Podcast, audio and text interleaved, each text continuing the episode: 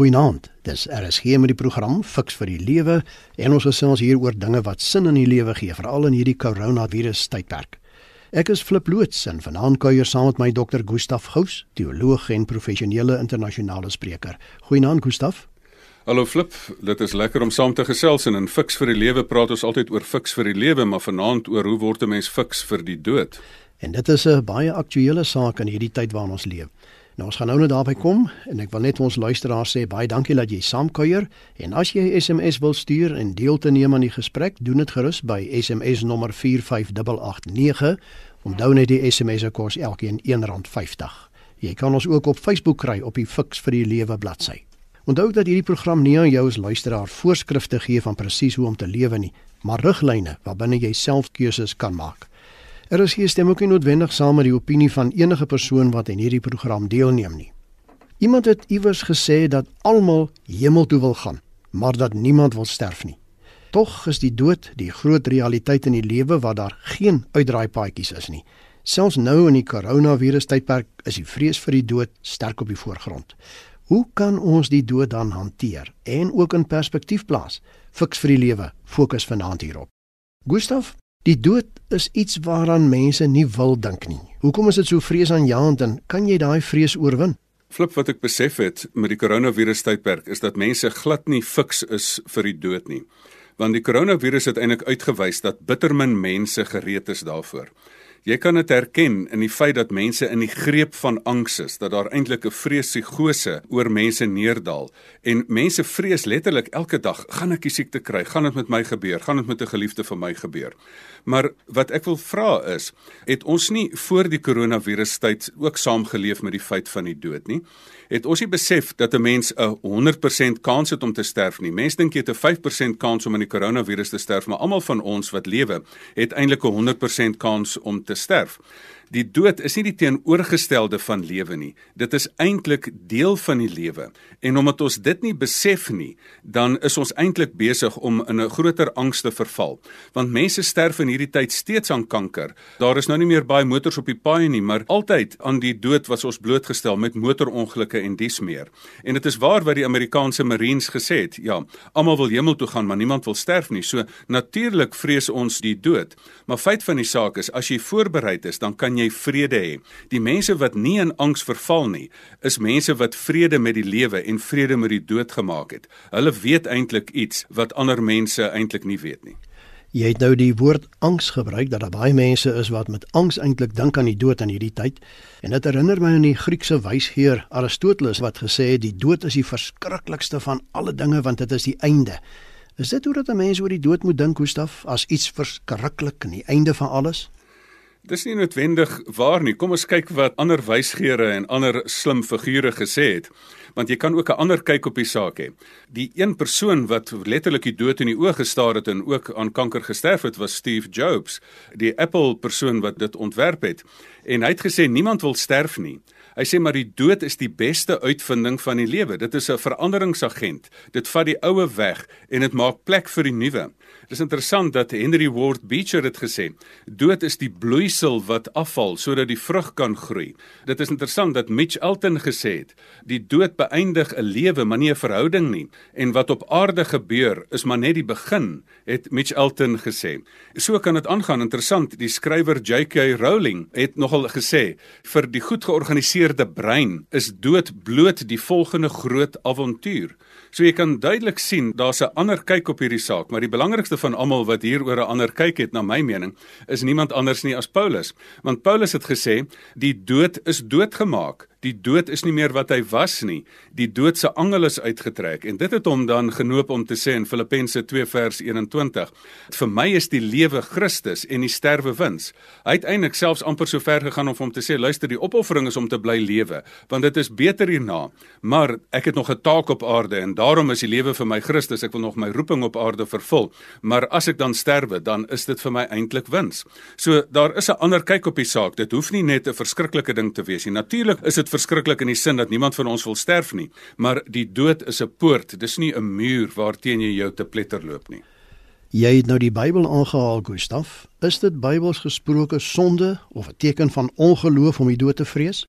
Ons moet vir mekaar sê dat die dood is normaal en om die onbekende te vrees, want die dood is die onbekende. Niemand kan terugkom na die tyd en sê nou maar wat het nou daar gebeur nie. So om die onbekende te vrees is heeltemal normaal. Maar as jy dan iets wil vrees, moet jy eerder vrees dat jy nie gelewe het nie. Weet jy, dit is nie tragies om te sterf nie, dit is tragies as jy nooit gelewe het nie. Irenaeus het gesê, "The glory of God is revealed in a life well lived." Die eer van die Here lê daarin dat jy jou lewe vat en hom letterlik voluit leef. So as jy dan iets wil vrees, vrees dan dat jy nie iets van jou lewe gemaak het nie. As jy 'n lewe gemors het met verkeerdheid en allerlei moeilikheid, as jy sonde gedoen het en jy het nie jou saak met die Here reggemaak nie, dan mag jy nou maar vrees. Maar om te vrees is nie 'n teken van ongeloof nie. Dit is normaal deel van ons menswees. Wat jy doen daarmee is wat werklik saak maak. Hoe hanteer 'n mens die dood van 'n dierbare Gustaf? Die hartseer en die wroging wat daarmee gepaard gaan, veral nou waar jy eintlik nie beheer daaroor het nie. Dit is nie maklik nie, maar dit is moontlik. Die interessante ding is, mens kan selfs ook die dood in 'n ander lig probeer sien. Ek dink die hantering van 'n dood van 'n dierbare is, as jy net die dood raak sien, dan begin 'n mens en mens verval in 'n baie baie diep hartseer. Maar as jy besef dat die feit dat jy nog kan treur oor iemand se dood, is 'n teken waarvan? Is 'n teken van dat jy nog lewe. Is 'n teken dat die aflosstokkie dalk aan jou teruggegee is. Toe van my twee beste vriende gesterf het, het ek onder die diep indruk gekom dat waar ek intens in 'n amper 'n diep gat wou inval en sê maar hoekom sterf al die goeie mense? Is ek daarop gewys dat hulle twee grafstene wat ek gesien het, die feit dat ek die grafstene gesien het, was 'n teken van lewe. Wie se lewe? My lewe. Nie hulle lewe nie, hulle is dood, maar die feit dat ek nog lewe is 'n teken dat ek kan 'n keuse maak of ek daai aflosstokkie gaan optel. En dit is baie interessant dat die dood, as jy dit op hierdie manier sien, kan dit 'n draaipunt word in jou lewe. Toe my ou professor, professor Bosch 28 jaar gelede amper op dag en datum gesterf het, het dit my lewe verander want ek het besef die goeie werk wat hy begin het met sy studente moet dit voordra. So daar het ons probeer om die aflosstokkie op te tel. Wat ek wel wil sê is dat die dood van 'n kind is die heel heel moeilikste ding op aarde. In die spreekkamer het ek besef daar's geen dinge erger as dit nie en daar's niks wat jou daarop kan voorberei nie. Want 'n mens wil die aflosstokkie as 'n ou mens aangee aan jonger mense, maar as 'n kind dit vir jou teruggee, is dit baie baie moeilik. Maar selfs in daardie opsig is 'n teken dat jy nog daai pyn ervaar, is 'n teken dat jy nog lewe en dat jy nog 'n taak op aarde het en dat 'n mens die mooie moet verpak van wat jy in 'n persoon se lewe gesien het en dat jy dan al is dit met trane kan aangaan in die lewe. In die meeste gevalle Gustaf is dit so dat jy darm vir jouself kan voorberei op die afsterwe van 'n dierbare, nê, ouderdom en langdurige siekte en dis meer. Maar nou veral hier in die koronavirus tydperk is die dood van 'n dierbare dikwels skielik en onverwags. Die ambulans kom haal hom of haar en môre oormôre hoor jy net hy of sy is weg. Hoe hanteer jy so, eh, kan ek maar amper sê skielike en onbeplande dood? Die vraag wat ek wil vra Flip is, het ons nie al met skielike en onbeplande dood voor die coronatyd al geleef nie? Daar was motorfietsongelukke, daar is motorongelukke, daar is kanker wat jou beetpak en in 'n baie kort tydjie wegneem. So, hoe berei mens hierop voor? My antwoord hierop is: moes ons nie al lankal voorberei het nie. Eendag jare terug het prinses Caroline, toe haar pa prins Renier van Monaco gesterf het, toe sê sy dit was so onverwags. Toe sit ek en dink, ja, het niemand vir jou vertel dat dood deel van die lewe is nie? Moet mens nie eintlik elke dag verwag dat jy kan sterf nie? Leef ons nie eintlik elke dag met die risiko dat 'n mens kan doodgaan nie? Mens dink jy gaan veilig in jou huis. Sê nou jy val van jou trap af, dan kan jy daar sterf. So letterlik is daar 'n daaglikse risikoprofiel wat ons het dat jy op enige tyd kan sterf en daarom moet dit jou noop om jouself voor te berei dat jy weet jy moet leef met die feit van die dood ons moet al meer besef dood is nie 'n aanlaspuntjie aan die einde van die lewe nie dood is deel van die lewe en jy moet leef asof jy môre gaan sterf en beplan asof jy baie lank gaan leef Dit is RSG met die program Fix vir die Lewe en ons gesels vanaand oor die dood in perspektief. Ek is Flip Loots en my gas is Dr. Gustaf Gous. Jy's luisteraar kan gerus ook jou opinie vir ons deurgee. Die SMS nommer is 45889. Onthou net die SMS se kos R1.50. Nou ons praat so van voorbereiding vir die dood, Gustaf. Maar hoe kan jy jouself voorberei of sê nou maar jou eie dood, nê? Nee, mense sê net jy moet reg lewe. Hoe doen jy dit? Ja, op baie grafstene staan daar RIP, rest in peace of rus in vrede. Nou, hoe kan 'n mens in vrede sterf? Ek het gesien met die tye wat ek self aan die dood blootgestel is of nou 'n ontkomings met die dood gehad het, of dan in die spreekkamer het ek gesê dat die enigste raad om in vrede te sterf is as jy voluit leef, dan kan jy in waardigheid kan 'n mens sterf. Dit is baie interessant. Brendan Burchard wat in 'n noue ontkoming in 'n motorongeluk was, is letterlik wakker geskud en hy het gesê na daai ongeluk het hy vir homself afgevra, did I live, did I love and did I matter? Het ek voluit gelewe, het ek voluit liefgehê en het ek saak gemaak? En hy het gesê hy het besef hy het sy lewe tot daartoe gemors en daarom het hy sy lewe geherorganiseer en vandag is hy 'n persoon met reuse invloed. So baie keer wat gebeur is ons het eers 'n wakker skrik ding nodig. As jy weer skrik skrik wakker. As jy wakker skrik moet jy besef dat die dood is 'n werklikheid. En dan begin daar 'n baie interessante ding. Dan besef jy die lewe is te kort vir slegte koffie en dit is te kort vir om jou lewe te mors. En dan begin jy in 'n interessante ding glo. Dan glo jy nie net in lewe na die dood nie, dan begin jy glo in lewe voor die dood. En as jy begin glo in lewe voor die dood, dan begin jy gereed maak om vir die dood reg te wees. Dan begin jy met die einde in gedagte. Dan begin jy terugwerk van jou begrafnis af en jy sê maar wat wil ek hê as hulle rondom my graf staan? Wat moet hulle daar sê? Want as jy dan voluit geleef het, dan kan jy in vrede sterf. Selfs Boeddha het gesê, dood is nie te vrees vir iemand wat met wysheid geleef het nie. En daarom, die beste manier om voor te berei vir die dood is om te glo in lewe, nie net na die dood nie, maar lewe voor die dood en om voluit te leef. En as jy voluit geleef het, dan kan jy voluit dan ook sterf.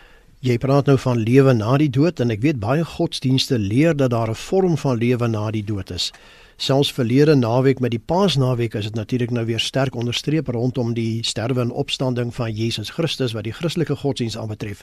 Hoe moet ons dit verstaan, Gustaf, 'n lewe na die dood? Dit was vir my fantasties dat selfs president Cyril Ramaphosa het verwys na die hoop wat dit bring want baie keer dan dink ons die dood is net die finale woord.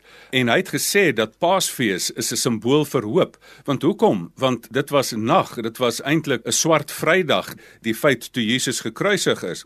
Maar die feit dat daar verkondig word dat hy opgestaan het het daarvan die grootste simbool van nuwe lewe in die wêreld gemaak.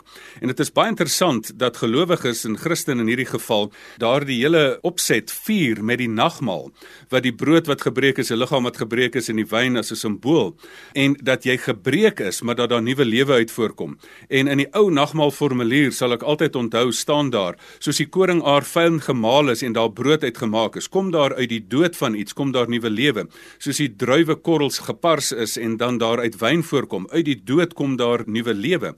So dit is 'n hele simboliese ding, die dood is oorwin, die angel is uitgetrek trek En as 'n saad ook sterf, dan is dit letterlik 'n plant wat daaruit voortkom. Een van my vriende is in die Midde-Ooste vermoor en op sy begrafnis het die dominee nogal verwys ook na Jesus se opstanding gesê die mense het gedink hulle kan jou gedagtes saam met jou doodmaak, maar hulle het vergeet dat jy saad is en dat daaruit baie kan groei. So ek dink dit is die wonderlike troos dat die dood nie die finale woord is nie. Paasfees het van die dood 'n poort gemaak en nie 'n muur waarteen jy jou te pletter loop nie, want aan die ander kant van die dood is daar lewe. Die lewe op aarde is maar eintlik net die begin vir die lewe na die aarde. Maar mense bly maar nuuskierig oor hierdie lewe na die dood waarna jy nou net weer verwys het Gustaf. En uh, ek lees in die Bybel in Prediker 9 vers 10: Doen met toewyding alles wat jou hand vind om te doen, want in die doderyk waarheen jy op pad is, is daar nie werk of insig of kennis of wysheid nie. My nuuskierige vraag en dalk is dit 'n onbillike vraag, sou dit daarop wys dat daar na die dood wel 'n plek is waarheen mense gaan, maar dat daar eintlik geen aktiwiteit daar is nie. Ek dink die belangrike is dat ons moet by ons kennis hou wat ons het selfs die wyse ou Langehoven het gesê toe hy na die dood verwys het, daai tonnel is toe. Ons kan nie verby daai poort sien nie. Maar ons het tog 'n duidelike prentjie dat aan die ander kant is wat Jesus vir die persoon wat langs hom gekruisig gesê het, vandag sal jy saam met my in die paradys wees. Nou hoe dit daar gaan lyk, ek dink die nuwe Jerusalem, die strate van goud, dit kan ons baie dinge oor gesels, maar ek dink die ding waarop ons moet fokus is dat dit is dimensioneel anders. So ons woorde is te min. En ons in 'n driedimensionele wêreld, hoe kan jy met 'n driedimensionele woordeskat 'n wêreld beskryf wat dan nie meer driedimensioneel is nie, maar meerdimensioneel is. Al wat ons vir onsself moet sê, die kennis wat ons het is dat hel is vervreemding en hemel is intimiteit. In hierdie coronatyd weet ons dat alleenheid is baie keer hel en dat jy nie by mense kan uitkom nie. En dit is wat dood sonder die Here is, dat jy alleenheid is en vervreem is van God en van mense. En die interessante is dat die hemel is totale intimiteit met die Here. En watter vorm dit aanneem, dis die verrassing wat ek bereid is om voor te wag. Maar dat dit totale intimiteit is en ons weet dat ons kan oomblikke van hemel op aarde skep in lewe voor die dood, hemel op aarde skep in oomblikke van baie mooi saam wees, in oomblikke van intimiteit. Dit is RSG met die program Fix vir die Lewe. Ek is Flip loods en saam met my is hier Dr. Gustaf Hous en ons praat oor die dood in perspektief. Gustaf, hoe lank moet 'n mens treur oor die dood van 'n geliefde en moet dit my weerhou daarvan om sinvol met my eie lewe aan te gaan? Hierdie vraag vra eintlik 'n hele program op sy eie, maar die belangrike is treur moet jy treur, want weet jy ons hele lewe is 'n gelou en 'n gokobaai sêery en ons is nie goed met lou sê nie omdat ons nie kan kobaai sê nie. Die probleem is dat die dood baie keer mense verlam. In plaas daarvan dat jy aangaan met jou lewe, dan gaan sit jy en, en raak verlam.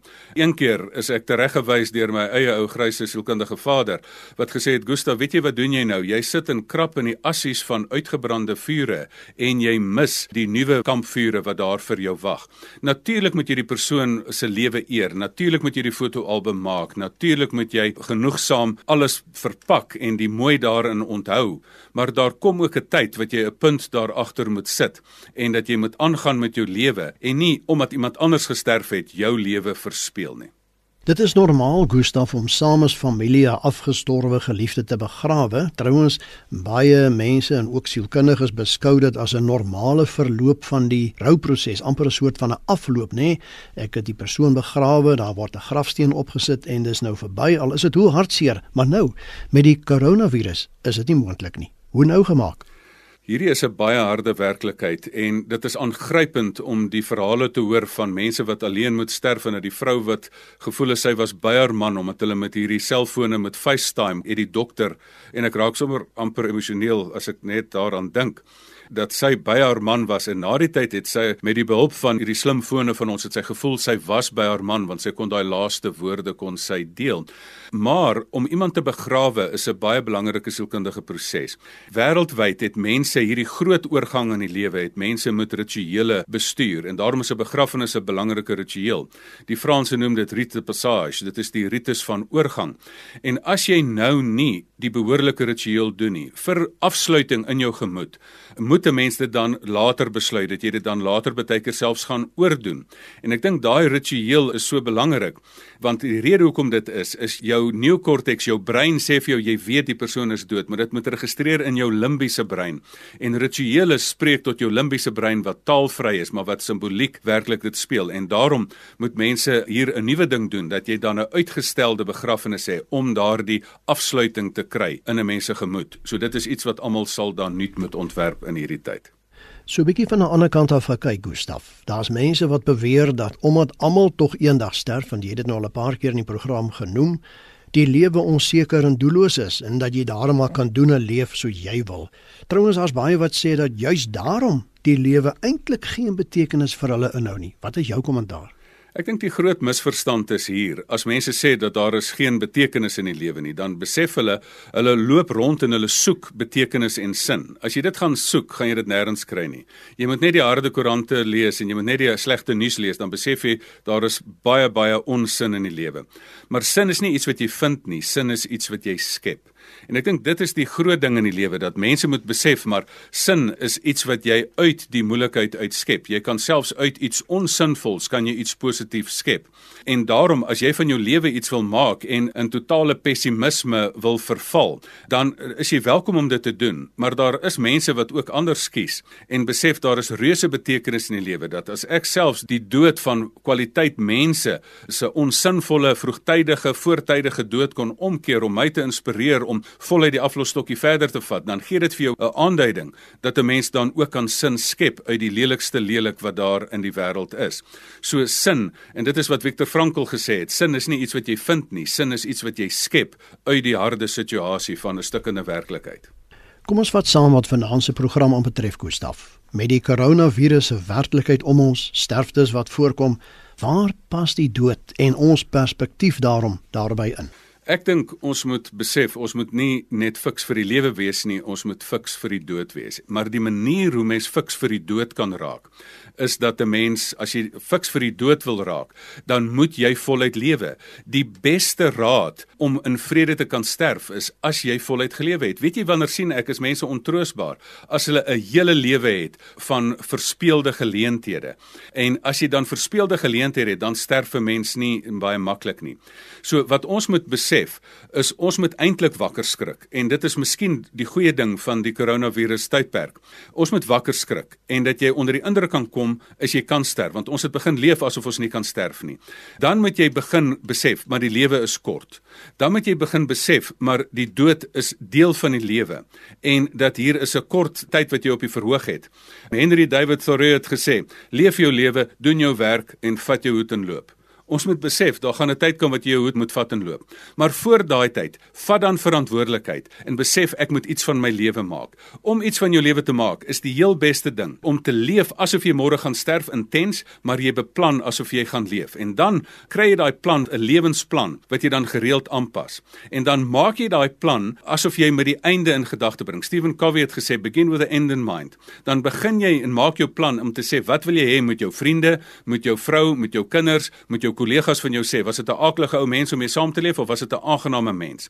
En dan leef jy voluit. Jy leef gebalanseerd in elke opsig van jou lewe. Jy gaan nie 'n lewe sê van ek gaan die wêreld wen maar om my siel skade ly nie. Nee, jy gaan nie sê ek gaan baie geld maak my gesondheid aan skade ly nie. Nee, jy klim nie die leers van sukses en jy besef aan die einde van jou lewe die leere teen die verkeerde muur gestaan nie want jy het jou familie in hierdie proses verloor nie. Nee.